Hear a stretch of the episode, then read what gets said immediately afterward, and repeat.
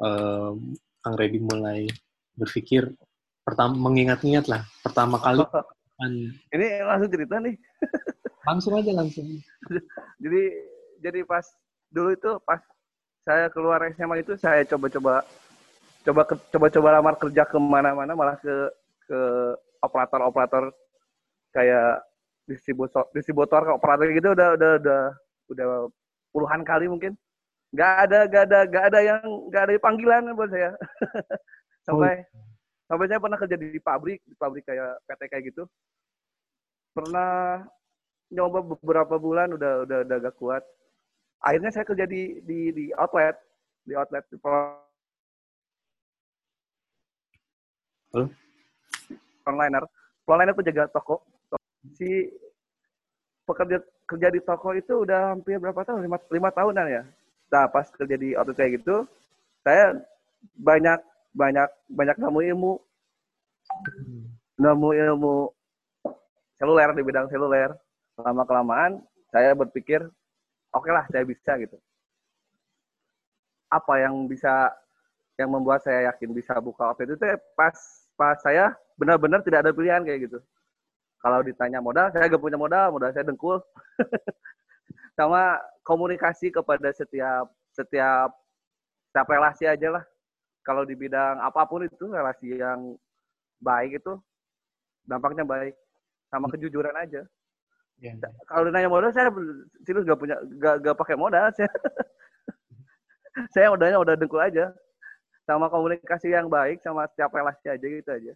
Iya iya. Artinya artinya eh, nama baik yang selalu dijaga ya itu itu benar itu benar. Kalau masih ingat nggak awal tahun berdirinya Ready eh, apa? Berdiri baru baru tahun 2014 2014 2014 ah, ah. oh, udah enam tahun lalu ya? Pokoknya mah kadang pilihan terbaik datang teh pas pas tidak ada sama sekali tidak ada jalan gitu. Saya teh harus buka outlet harus buka outlet gitu udah pikiran saya gitu gitu soalnya udah mau kerja ke mana-mana lamar ke mana-mana udah gak ada panggilan udah itu aja pas saya kerja di hotel kan banyak relasi itu banyak banyak kena sama inilah sama itulah sama inilah nah di situ saya mulai udah saya Halo? mulailah gitu saya udah pas gitu itu kesiapan bertemu dengan kesempatan itu aja lah pas banget itu Oh. Iya, iya. Oke, oke. Nah, eh apa? Simponi itu sendiri pertama kali buka di mana? Di rumah atau udah ada tempat? langsung kontrak tempat udah ada Oh, itu pilih eh, eh, itu tempat itu pilih udah pilih saya udah udah jelek banget asalnya udah udah gak mendukung tapi pilih saya udah di sini aja oke. Nah, ketika, ketika memilih tempat itu kan ka- pertama Kang Reddy udah pengalaman sebelumnya sebagai nah itu frontliner Nah, udah punya pengalaman berarti kan minimal sudah tahu dong eh, tempat yang nah udah tahu seluk beluk Nah, nah itu Nah. balik lagi ke sana bentur dengan modal itu gimana rasanya? Nah, di situ saya kan punya banyak relasi. Misalkan saya feeling saya udah berkata gini, dalam enam bulan saya bisa balikin duit buat buat bayar kontrakan gitu. Saya pinjam duit lah ke saudara. Terus masalah barang-barang modal ini itu, saya tinggal ambil-ambil aja dari teman-teman. Ini barang ini ambil dari sini ya, bayar dari sini. Soalnya kan relasinya udah udah udah udah kebangun sejak saya jadi frontline atau gitu Hmm. udah udah, udah jalan aja gitu makanya kalau hidup mah santai aja lah ikuti arus yang penting kitanya ikhtiar tawakal sama berdoa aja gitu aja lah simpel kalau di- kalau ditanya rahasia sukses saya belum sukses bang kalau ditanya udah pernah jatuh saya gak pernah jatuh. Karena sesulit apa pun kalau kita enjoy mah gak, gak pernah merasa jatuh gitu. Santai aja gitu. Kalau ditanya bangkit tiap hari saya bangkit. Tiap bangun tidur saya bangkit. Tiap hari saya memperbaiki diri dari kemarin dari kemarin. Dari kemarin hari ini buat besok apa yang salah apa yang kurang dari outlet gitu aja. Ya. santai aja lah. Jadi kalau hal yang terberat dalam membuka usaha outlet itu apa sih? hal yang terberat mungkin Motivasi enggak ya? motivasi iya gitu kayaknya motivasi kalau gak ada motivasi udah udah mati aja lah dengan hidup sama aja dengan takut hidup itu. berani hidup, tidak takut mati, takut mati, jangan hidup gitu. mati saja. Mati saja lah kalau nggak berani. iya benar. Oke oke oke. Nah ini pokoknya dong. mah, pokoknya mah ini uh, apa? Kalau misalkan buat outlet-outlet kamu buka nih, uh, yang pertama jangan terlalu ambisi lah. Jangan terlalu pengen cepet gede, jangan terlalu selalu lihat orang gimana gimana udah jadi gini-gini jangan terlalu gitu nikmati aja alurnya step by step step satu step dua step tiga apa yang harus diberesin ini ini ini gitu nah yang keduanya jangan sirik kita jangan sirik sama kompetitor kita sebelah kanan kiri ada yang gimana gimana. Ah fokus aja gitu. Nggak usah lihat kanan kiri ya nggak penting. Yang ketiga banyak sedekah itu aja. Itu aja. Yang keempat pura-pura budak gitu. Jadi ada orang yang mau ngomongin ah budak aja gitu pura-pura budak. Gak dengerin gitu mah. Fokus aja gitu. Gitulah. Gak, gak ada yang susah dalam hidup mah. Tergantung orangnya gimana ngedepinnya gitu. Ya, ya. Jadi saya jadi saya ya, bingung susah, mak. bingung apanya bingung mau wawancaranya mau nanya dari mana udah uh, bingung nulisnya ya udah disimpulkan duluan eh, yang susah mah kawin dulu gitu. Eh kawin lagi maksudnya. ini coba ini ini sekarang coba lebih detail nih Kang Redi nih. Uh, di masa-masa merintis itu mulai dari 2014 sampai tahun berapa itu? Masa Satu tahun dua tahunan lah masa tahun merintis. Itu uh, dipegang saya sendiri itu langsung nggak dipegang nggak, nggak belum punya karyawan gitu. karyawan. Sekarang udah udah udah banyak karyawan. Karyawan sekarang udah berapa? Satu, dua, tiga, empat, tujuh ada, tujuh ada. Oh, gitu. Tujuh. Nah, ketika di baru tujuh, baru tujuh. Hmm, ketika merintis itulah sebenarnya apa sih yang dibutuhkan? Apakah konsentrasi, apa terus edukasi produk, terus mencari target pelanggan? Uh, fokus aja, fokus, fokus ke barang-barang kita ada semua, terus ramah tamah ke konsumen soalnya konsumen berbagai aspek dari dari ibu-ibu yang baru megang gadget, dari anak-anak yang baru mengenal dunia, ya itu aja. Jadi harus harus banyak sabarnya, harus komunikatif. Oke. Okay. Nah kalau ke, di di tahun pertama itu pun apakah sudah mulai ikut program program Indosat dulu kan kalau nggak salah ada Jitu, ada Jos. Jos ya, sama sekarang Sultan ya. Saya selalu ikut, tapi kadang dulu kan masih merintis nih jadi dulu juga ada ikut banyak gitu cuman cuman gak se, se iya sekarang gitu gak segede sekarang gitu oh oke okay, oke okay. saya selalu ikut dari dari pas awal buka juga ikut cuman bertahap gitu bertahap oh. ikutnya memilih bertahap itu berdasarkan apa konsistensi konsistensi oh. kalau program kan tiap tiap tiap outlet punya chip tuh jadi kita harus harus tetap bertahap, harus absen, harus tetap ada. Tiap ada program kita ikut supaya eksistensi nama kita ada gitu. Oh, itu penting. komunikasi selalu ada gitu. Itu penting juga ya. Penting juga, penting juga. Sangat penting, sangat penting. Uh, efek efeknya uh, nama komunika ada itu gimana? Dampak positifnya? Komunika dampak positifnya ya beda aja gitu dulu kan seragam ya sel sel sel sel kayak gitu saya mikir udahlah pakai komunika aja dulu kan belum hit 2004 belum hit itu komunika nah sekarang sekarang pas saya udah buka udah boom baru hit banyak komunika komunika gitu kadang-kadang dalam bisnis itu kita harus berani beda gitu. Beda aja gak seragam. Iya. orang-orang lain sel sel sel saya komunika aja. Sebenarnya bukan si sel saya. Saya talur Nah, terus ini kan kalau dari 2000 itu kan 2014 sampai 16. Dari 2016 ke 2018 tuh perjalanannya apa aja yang dirasakan? Perjalanannya ngalir aja, enjoy lah. Bagus, pesat banget. Pesat pas 2016 ke sini. Pesatnya itu karena orang pelanggan sudah tahu uh, sudah tahu outlet atau atau apa ada produk apa gitu? Saya ada media sosial saya manfaatin dari mulai grup Facebook, Instagram, website itu saya manfaatin.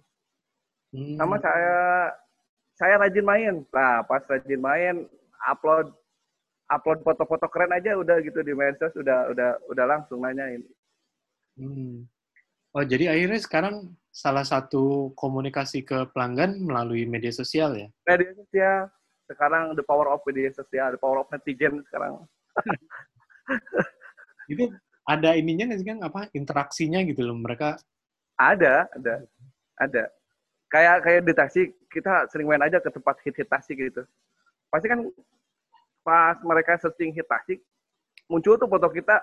Nah di captionnya kita itu aja gitu ini owner ini ini ini gitu aja lah. Hmm. Banyak lah banyak cara. Grup Facebook juga ngaruh banget itu. Hmm. Kalau di kalau di sini sih, kalau di Tasik. Oke. Tapi banyak juga orang yang baru tanya-tanya produk ya.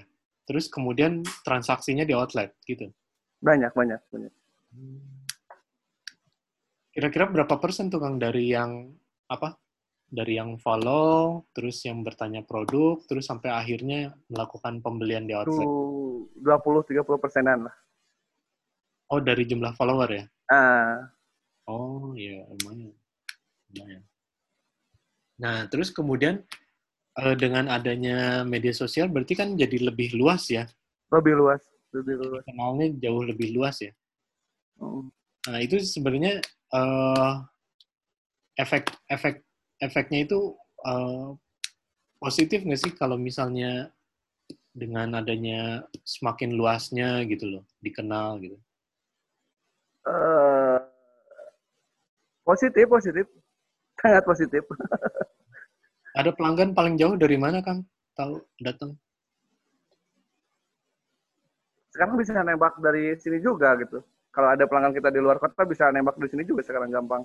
Hmm bayarnya pakai pakai barcode atau transfer ada ada juga kayak gitu atau misalnya ada pelanggan lah pelanggan dari luar Tasik gitu datang paling dari kabupaten di kabupaten atau dari dari orang lewat lah di Jakarta Bandung yang mau arah ke Pangandaran itu sama juga hmm. ada suka ada tapi sebagian ada yang tahu dari ini juga ya media sosial ya iya sama Google Map media sosial oh di Google Map juga ada ya? Ada, ada. Oke, oke, oke. Nah, uh, kalau Kang Reddy masih ingat nggak sebenarnya momentum apa sih yang membuat usaha outlet uh, Kang Reddy tuh berkembangnya benar-benar pesat gitu? Pas, pokoknya mah pas ikutan program Indosat aja lah momentumnya mah. Jadi pas ada ini, pas ada program JOS ikut JOS, ada program Jitu ikut Jitu, ada yang Sultan hmm. ikut Sultan. Hmm. Jadi itu itu lumayan. Hmm. Karena karena apa? Uh, insentifnya lumayan ya, Kang? Lumayan, lumayan dari daripada kompetitor lain gitu. Hmm, oke okay, oke okay, oke. Okay.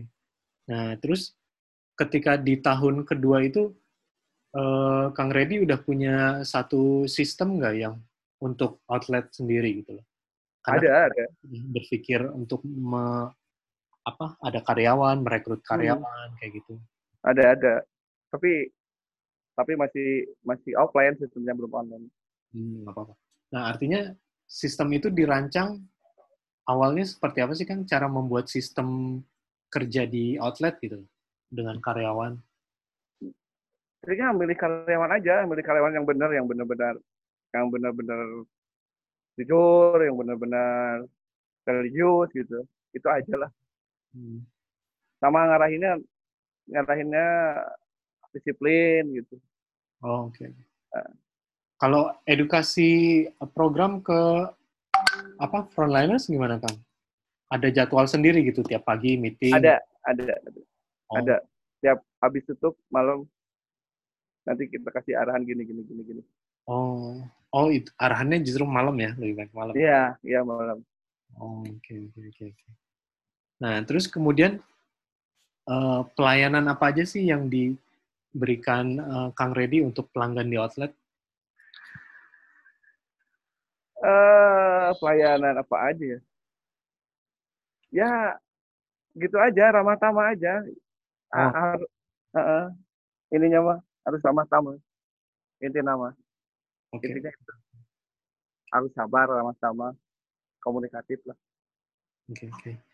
Nah, sekarang kan sudah masuki jalan tahun ke-6 ya dari 2014. Ya. ya. Uh, Simfonisel, eh, Simfoni Komunika pernah mengalami hal atau momen-momen berat nggak misalnya? Nggak ada yang berat. Yang... Kayak waktu pandemi kemarin gimana tuh kan? Oh, waktu pandemi mah bagi saya nggak berat, cuman penjualan menurun aja mah iya gitu. Berat mah enggak. Nah, situasi apa pun kalau ngadapinnya santai aja mah enggak tergantung kitanya gitu. Kalau kita merasa lemah ya pasti berat gitu dan saya mah gak, gak lemah saya mah pas pandemi turun turun penjualannya turun ada penurunan soalnya orang-orang banyak yang nganggur para yeah. pedagang banyak yang turun kita juga ikut dampak dari konsumen konsumen kita kan beragam aspek ya dari karyawan mana gitu dari pedagang mana gitu. Hmm. jadi daya beli mereka itu turun gitu. Yang tadinya sebulan dua kali, sebulan tiga kali jadi sebulan sekali gitu aja. Turunnya lumayan drastis, 60 persenan. Oh, eh, empat puluh persen, 40 persen ada. 40 nah, terus tips selama bertahan di masa pandemi gimana tuh? Sabar, ikhtiar, dan tawakal itu. itu udah ada dari Al-Quran. Nah, Tipsnya apa? Dijamin ya itu ya? Iya, dan iya. berdoa gitu. Ya, benar, benar, benar. Oke, jadi selam, uh, tapi kan sekarang sudah mulai longgar ya? Udah, udah mulai longgar. Dari ya. tadi sendiri udah mulai longgar. Hmm. Nah, sekarang ada ini nggak ada mulai terasa perubahan nggak dari traffic pelanggan pada awal pandemi dengan saat ini? Ada, ada. Pas hmm. awal pandemi satu bulan tiga bulan mah itu parah banget, parah banget. Untuk sekarang udah merangkak naik lagi. Parahnya gimana? Gak tahu, nggak tahu ini bansos bansos efek ini mas juga. Jadi berangkat lagi gitu, berangkat lagi lumayan. Oh. Pas pas pandemi bulan pertama, kedua, ketiga mah udah udah udah kena dampak banget. Ya ya. Tapi Kang Redi nggak ini ada PHK karyawan atau ada? Enggak, enggak, enggak, enggak ada. Aman gitu. Jadi yang enam atau tujuh orang itu dipertahankan aja ya? Iya, iya. Oh iya, iya. alhamdulillah. Alhamdulillah. Kayak gitu. Oke oke oke. Nah terus um, kalau sekarang nih udah mulai normal nih Kang? Udah mulai normal sekarang. Mulai normal ya, pelanggan. Tapi belum 100% normal. Tapi sudah berbeda lah dengan pada. Sudah berbeda. Iya, iya kayak gini. Nah, ada ini nggak servis atau pelayanan tambahan misalnya untuk pelanggan setia yang mungkin dulu terkena pandemi uh, sempat ke ini baru sekarang lagi nggak ada sih nggak ada nggak ada tapi masih ada lah ya pelanggan setianya masih ada ya kang masih ada hmm.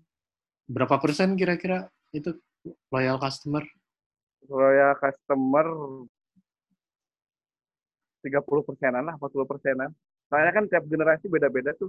Yeah. Yeah. Jadi kadang uh, jadi yang yang royal customer kadang pindah ke luar kota, pindah ke mana gitu. Hmm. Mobile banget ya. Iya. Yeah. Hmm. Oke. Okay. Uh, terus ini Kak, uh, uh, uh, ada pesan yang mau disampaikan nggak untuk outlet-outlet uh, lain yang sekarang lagi merintis usaha? Ya, pokoknya mah gitu aja tuh kayak tadi saya bilang kalau misalkan mau mau mau buka outlet, mau merintis usaha jangan terlalu ambisi, jangan jangan pengen cepet-cepet naik, jangan lihat yang gede gitu, hmm. yang yang yang udah jadi gitu. Hmm. Yang pertama itu, yang kedua mah jangan jangan lihat outlet outlet kompetitor, jangan jangan kiri lah, jangan lihat kanan kiri, fokus aja yang ketiganya itu banyak sodako hmm. udah itu itu aja ya hmm. sekarang udah ada berapa cabang ini udah ada empat baru ada empat baru ada kalau uh, total apa transaksi per hari dari semua outlet bisa berapa Kang Reddy? Ini hanya outlet atau total, total transaksi aja? Ini apa? Transaksi aja. Oh. Jumlah transaksi. Boleh dirahasiain nggak? grossnya aja, grossnya aja. soalnya, soalnya yang minder nih banyak yang lebih gede soalnya gitu. Oke oke. Ini, ini ini pertanyaan terakhir nih kang. Um, apa uh, ada harapan nggak yang mau disampaikan untuk Indosat? Oh iya, harapannya uh, ya lebih baik lagi, lebih lebih luas lagi jaringannya, programnya lebih menarik lagi, lebih lebih lebih lebih cuan lagi lah bukannya. amin, amin. amin. Eh, okay, okay. Semoga semoga makin sukses Indosatnya. Iya, siap. Amin, amin. Oke. Okay.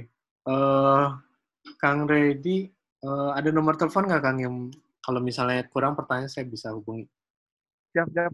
085 85 220 220 333 333 323 323. Ya. Siap, siap.